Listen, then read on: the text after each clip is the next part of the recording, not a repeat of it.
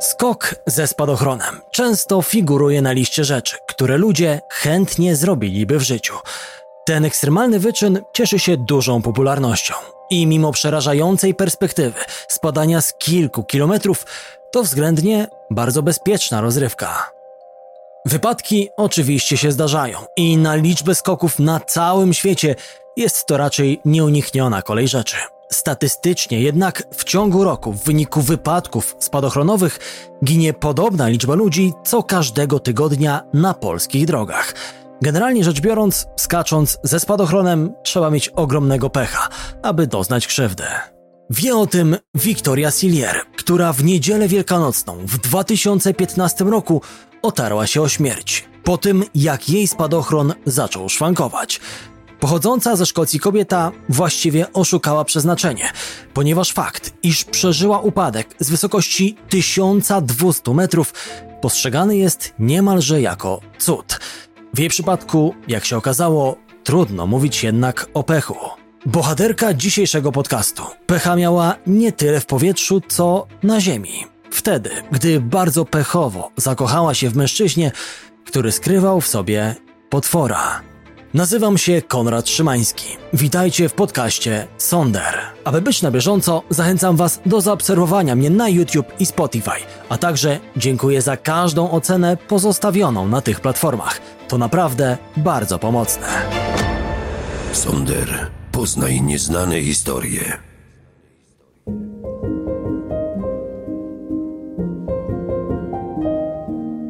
Wiktoria przyszła na świat w 1975 roku w stolicy Szkocji, Edynburgu.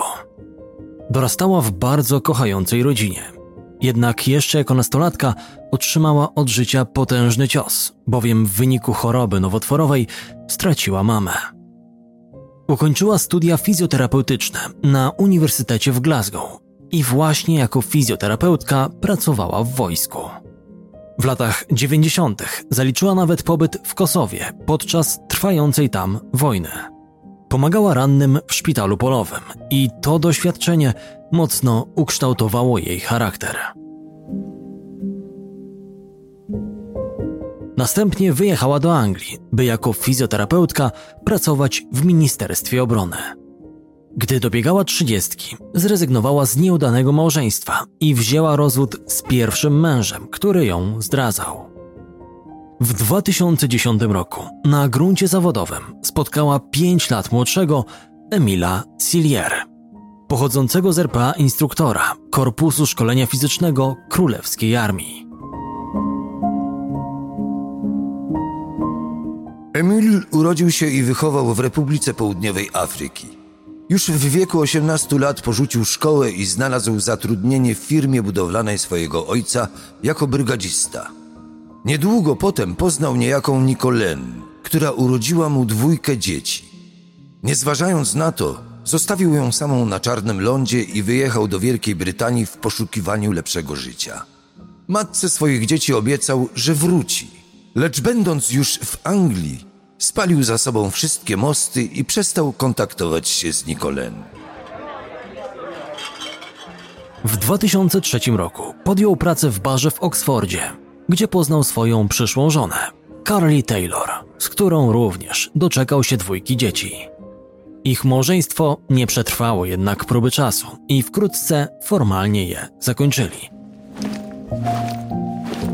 Mężczyzna w 2004 roku wstąpił do wojska, gdzie zdołał awansować na stopień sierżanta. Pomiędzy Emilem a Wiktorią zaiskrzyło, kiedy cierpiący z powodu wypadku na nartach mężczyzna zaczął uczęszczać na rehabilitację do, jak się później okazało, swojej przyszłej żony. Para wzięła ślub w 2010 roku w stolicy RPA, Kapsztadzie, by ostatecznie osiąść w niewielkiej miejscowości Amesbury na północy Anglii. Zakochani w pierwszych kilku latach trwania związku doczekali się pociech, mianowicie córki i syna. Co ciekawe, Emil pozostał w dobrych relacjach z Carly. Któregoś razu wraz z Wiktorią spotkali się z nią, bo przecież niejako ich trójkę łączyły dzieci. Wtedy Carly, która znała kawałek przeszłości swojego byłego męża, powiedziała Wiktorii o dzieciach, które Emil posiada na innym kontynencie. Wiktoria poczuła wielki zawód, ale mężczyzna potrafił być na tyle czarujący, a ona była w nim tak zakochana, że szybko wybaczyła mu ukrywanie ważnych faktów ze swojego życia. Kobieta czuła ogromne szczęście nie tylko z powodu samej miłości do Emila, ale także dlatego, że małżonkowie wspólnie dzielili wielką pasję skoki ze spadochronem. Wiktoria pokochała je jeszcze jako nastolatka. Swój pierwszy skok w życiu oddając w wieku zaledwie 17 lat. Ta sztuka tak bardzo przypadła jej do gustu, że po wielu oddanych skokach postanowiła zostać instruktorką na przyspieszonym kursie swobodnego spadania. W pewnym momencie policzono, że ma na swoim koncie zawrotną liczbę ponad 2600 skoków. Wiktoria była bez pamięci, zakochana w swoim mężu, a jak wiadomo, miłość i fascynacja do drugiej osoby potrafi uśpić czujność i powodować krótkowzroczność.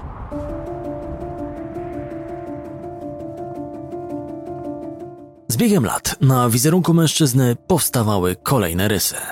Wiktoria przyłapywała ukochanego na regularnych kłamstwach, głównie związanych z finansami.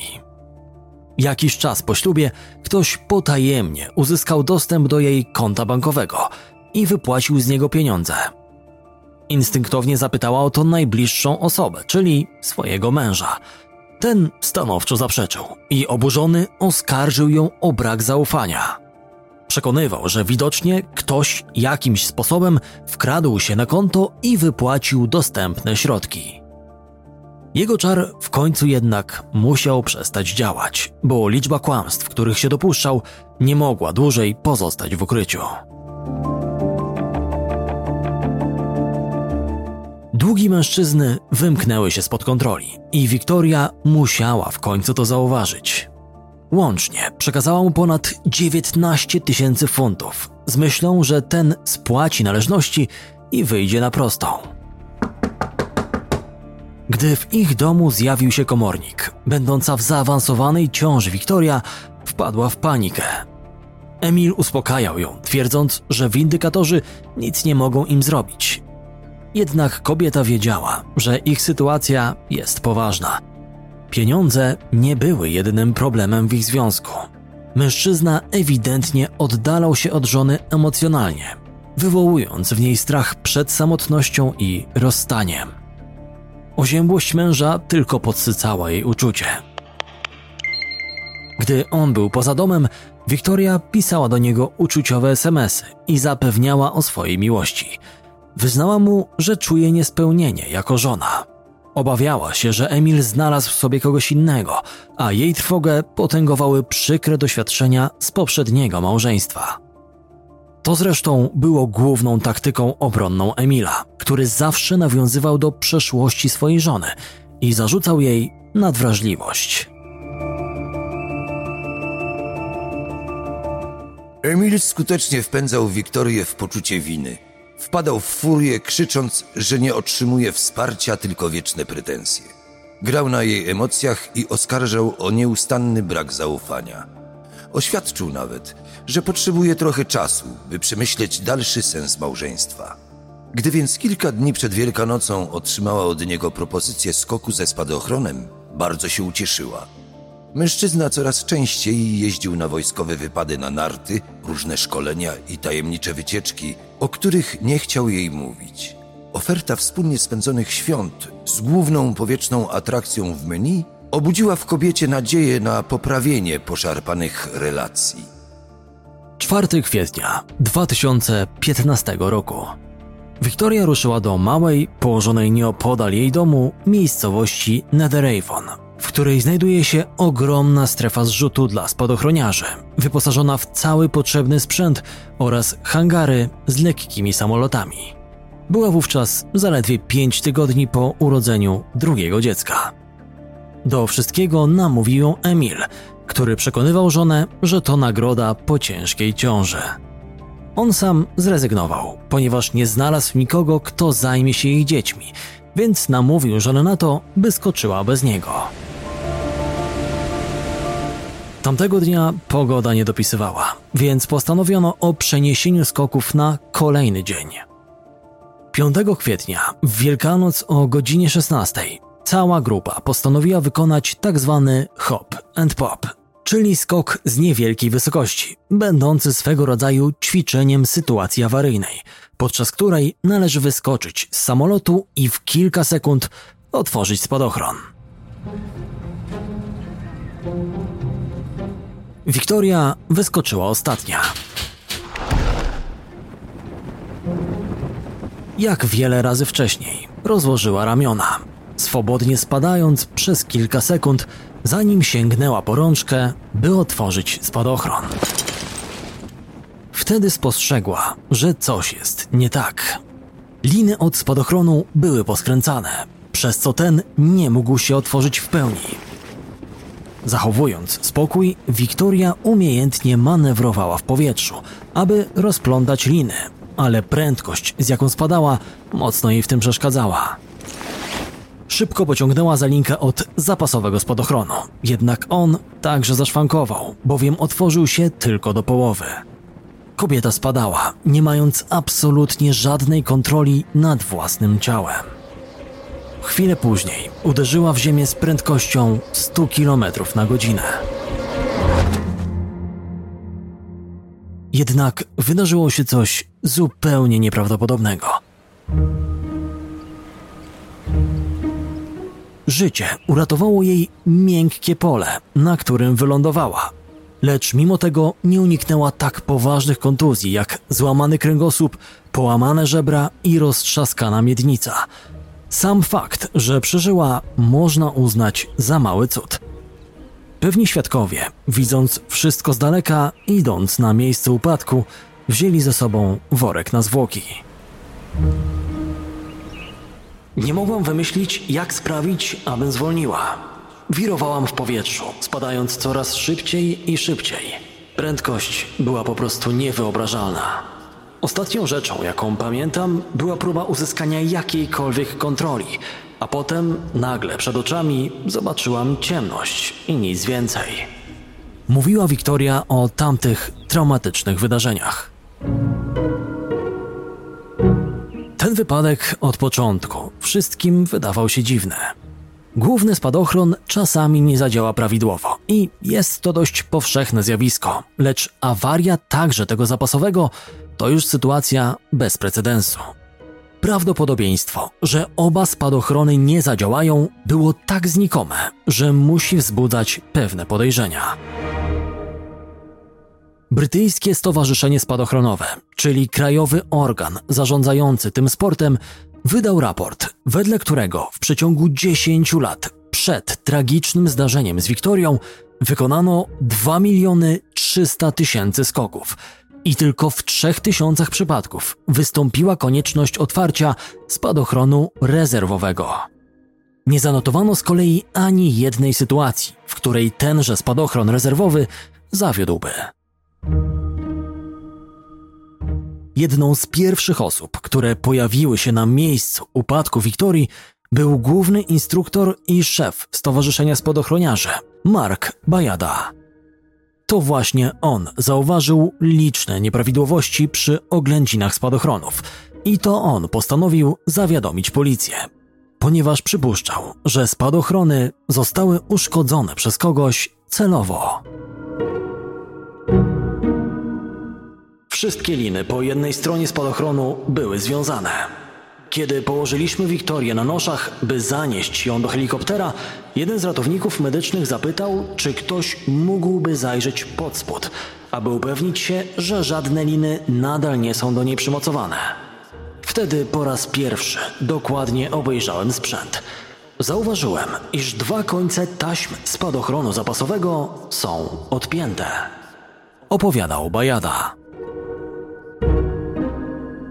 Eksperci przyjrzeli się feralnemu sprzętowi jeszcze raz.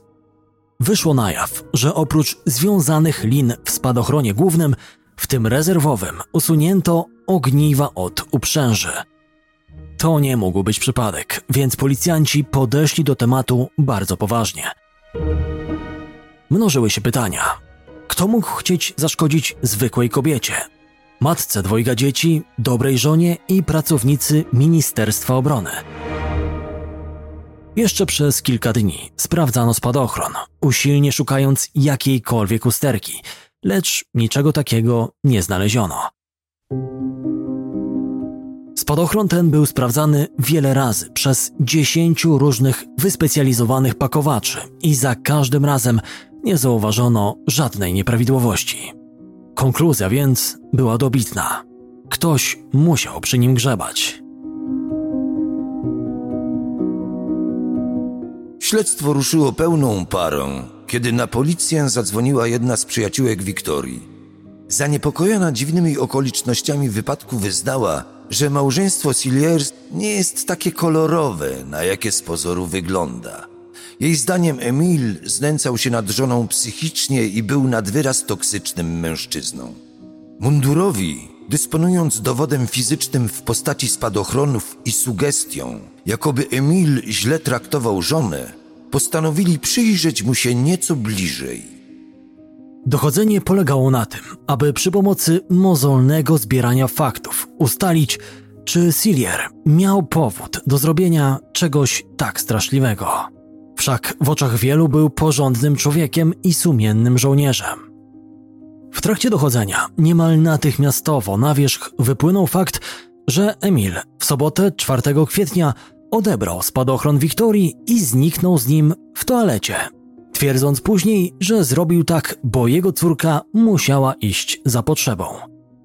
Kiedy zdecydowano, że pogoda jest zbyt niebezpieczna na skoki, Sillier nie odniósł spadochronu z powrotem do sklepu z akcesoriami, tylko schował go w szafce żony i wręczył go jej następnego dnia.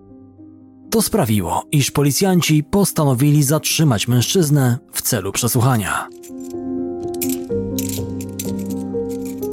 28 kwietnia aresztowano Emila Sillier w jego koszarach w miejscowości Aldershot, znajdującej się około 45 minut od jego domu.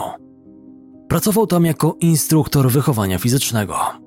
Kiedy policjanci powiedzieli mu, że aresztują go pod zarzutem usiłowania zabójstwa, nie sprzeciwił się ani słowem i nie chciał nawet zadzwonić do adwokata.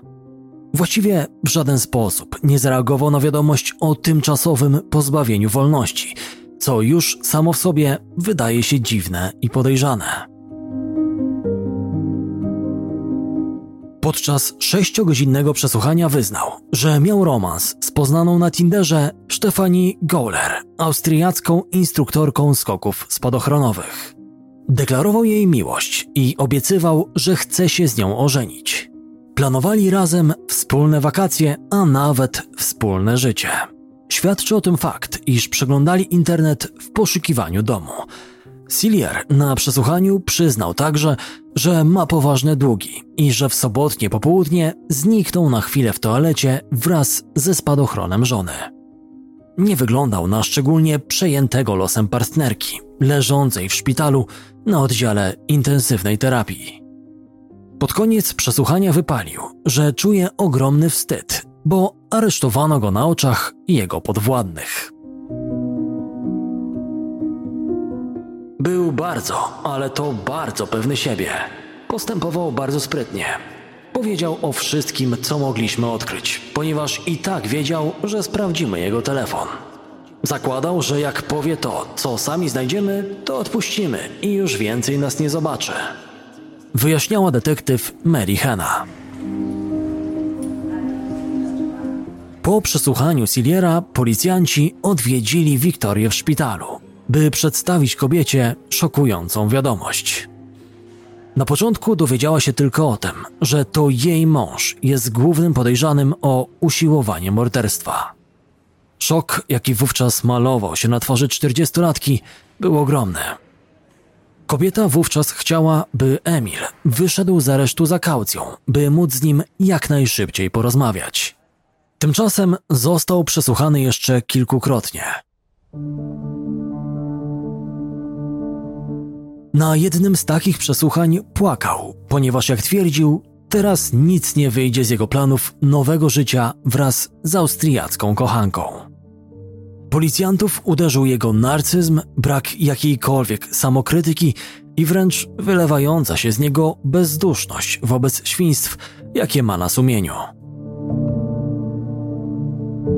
Minęło około pół roku, odkąd poznał pochodzącą z Innsbrucka Stefani Goller. W tym czasie kochankowie wymienili między sobą 32 tysiące wiadomości. Mężczyzna okłamywał ją, że jego nowonarodzony syn tak naprawdę nie należy do niego. W dowód miłości chętnie zabierał Stefani na wystawne kolacje, zazwyczaj sponsorowane za pieniądze tęskniącej Wiktorii. Stefani przyjeżdżała nawet do koszar w Aldershot, by tam paradować u jego boku wśród innych wojskowych, którzy zakładali, że małżeństwo Emila dobiegło końca. W swoim pokoju w koszarach trzymał zdjęcia kochanki, której często pisał wymowne SMSy. W jednym z nich stwierdził, że jest w stanie zrezygnować dla niej ze wszystkiego i że od kwietnia może robić z nią wszystko, czego tylko zapragnął. Nie trzeba być szczególnie bystrym, by skojarzyć fakty. W kwietniu miał być już przecież wdowcem.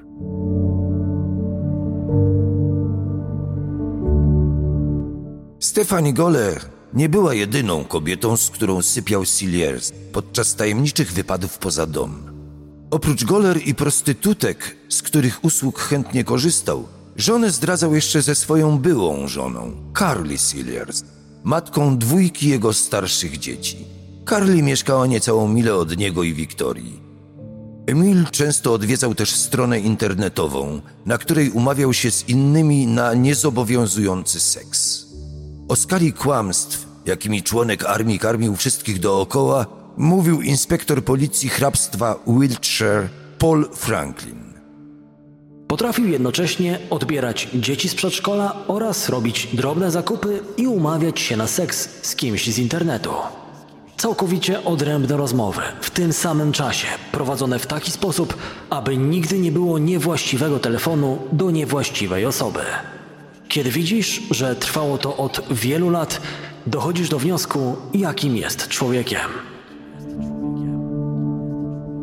Sillier, według informacji zdobytych przez mundurowych, miał co najmniej 22 tysiące funtów długu, lecz ta kwota miała być tylko wierzchołkiem góry lodowej, a prawdziwe zobowiązania finansowe mężczyzny sięgały znacznie wyższych sum.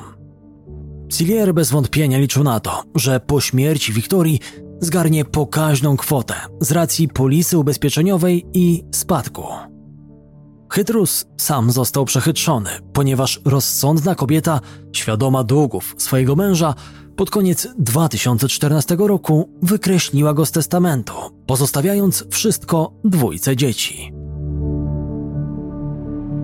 Gdy policjanci kolejny raz odwiedzili Wiktorię, powiedzieli, że jej mąż ma romans i że zamierza ją zostawić dla swojej kochanki. Wiktorii przekazano również informację o tym, że Emil nie przyznał się do ojcostwa ich nowonarodzonego syna.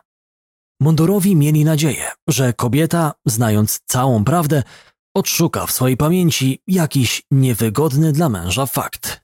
Coś, co pomoże udowodnić mu winę. Tak też się stało. Wiktoria przypomniała sobie o pewnym nieprzyjemnym momencie. Mianowicie o ulatniającym się w ich wspólnym domu gazie. Sześć dni przed Wielkanocą Wiktoria wyczuła w kuchni nieprzyjemny zapach gazu. Gdy sprawdziła zawór w jednej z szafek, zauważyła na nich ślady krwi. Od razu napisała do męża, którego nie było wówczas z rodziną. Spędzał upojne chwile z byłą żoną, Carly Taylor, a obecnej małżonce nakłamał, że śpi w koszarach. Wiktoria wysłała mężowi wiadomość, pytając, czy ma coś z tym wspólnego. Dodała żartobliwie: Czy ty próbujesz mnie wysadzić w powietrze? Sillier zareagował nerwowo, jakby w ogóle nie odebrał tego jako żart. Gdy śledczy zbadali zawór i znajdującą się na nim krew, Winny mógł być tylko jeden. Ekspertyza kryminalistyczna wykazała, że krew na zaworze należała do samego Siliera, który odkręcając go przypadkowo doznał skaleczenia. Śledczy jednogłośnie orzekli, że ktoś próbował jedynie odrobinę poluzować zawór, a nie go dokręcić. Było to kluczowe uzgodnienie, ponieważ sugerowało, że Silier chciał zamordować żonę.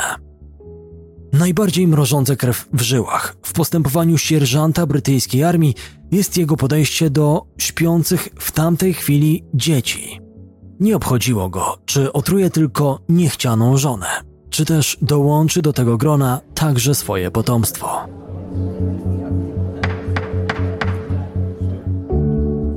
Minęły ponad dwa lata, zanim sprawa trafiła na salę rozpraw. Skromny liczebnie zespół policyjny potrzebował aż dziewięciu miesięcy, aby dogłębnie zbadać wszystkie dane z telefonu Siliersa. Kolejne dziewięć miesięcy zajęło prokuraturze przeanalizowanie dochodzenia i podjęcie decyzji o tym, czy w ogóle istnieje jakaś szansa na skazanie mężczyzny, ponieważ dowody nie były aż tak dobitne, jak mogłoby się wydawać. Podczas procesu Cilier nie okazywał oznak zdenerwowania czy strachu. Epatował pewnością siebie. Ubrany w elegancki strój, beznamiętnym tonem odpowiadał na kolejne pytania. W oczy rzucało się jego sztuczne i wyrachowane zachowanie. Do samego końca twierdził, że nie ma nic wspólnego ani z uszkodzeniem spadochronu, ani z odkręceniem gazu.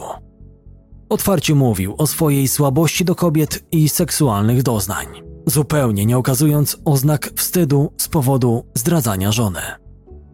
Na ironiczną sugestię sądu, że widocznie to ktoś obcy, włamał się do jego domu i odkręcił gaz, a później uszkodził spadochron, mężczyzna bezczelnie przytaknął. Prokuratura orzekła, iż Emil Sillier był głęboko zadłużony i chciał pieniędzy z polisy swojej żony, aby spłacić długi i rozpocząć nowe życie u boku kochanki.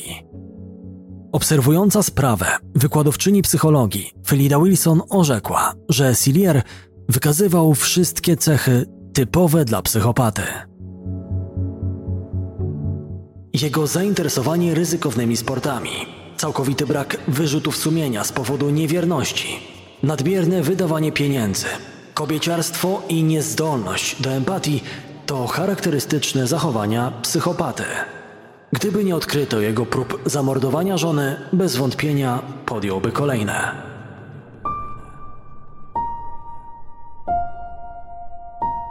W maju 2018 roku ława przysięgłych w Winchester uznała sierżanta armii za winnego usiłowania zabójstwa swojej żony i skazała go na dożywotnie pozbawienie wolności. O przedterminowe zwolnienie Silliers będzie mógł wystąpić dopiero po odbyciu obligatoryjnych 18 lat odsiadki. Wiktoria długo dochodziła do siebie, nie tylko pod kątem fizycznym, ale przede wszystkim psychicznym. Świadomość życia z mężem potworem i cudem unikniętej śmierci odcisnęła swoje piętno. W jednym z wywiadów udzielonych mediom powiedziała, że nie wierzy w tak złe zamiary Siliera. Z bólem przyznała, że wciąż czuje z nim jakąś więź. Czas jednak powoli leczy rany. I tak też było w przypadku kochającej matki dwojga dzieci. W 2020 roku Wiktoria wydała książkę, której tytuł można przetłumaczyć jako Przetrwałam. Opowiada w niej o swoim małżeństwie i wydarzeniach mających na celu pozbawienia ją życia. Trzy lata po wielkanocnym incydencie ze spadochronem przy wsparciu bliskich w końcu wykonała swój kolejny skok. 48-latka obecnie jest szczęśliwie zakochana w byłym żołnierzu piechoty morskiej i wraz z nim oraz dziećmi prowadzi spokojne życie. Fotoreporterzy przyłapywali ją, jak wesoła oraz pełna energii paraduje obok swojego wybranka. Wiktoria najwyraźniej ma słabość do mężczyzn w mundurach. Pozostaje mieć nadzieję, że tym razem swoje uczucia ulokowała bezpiecznie.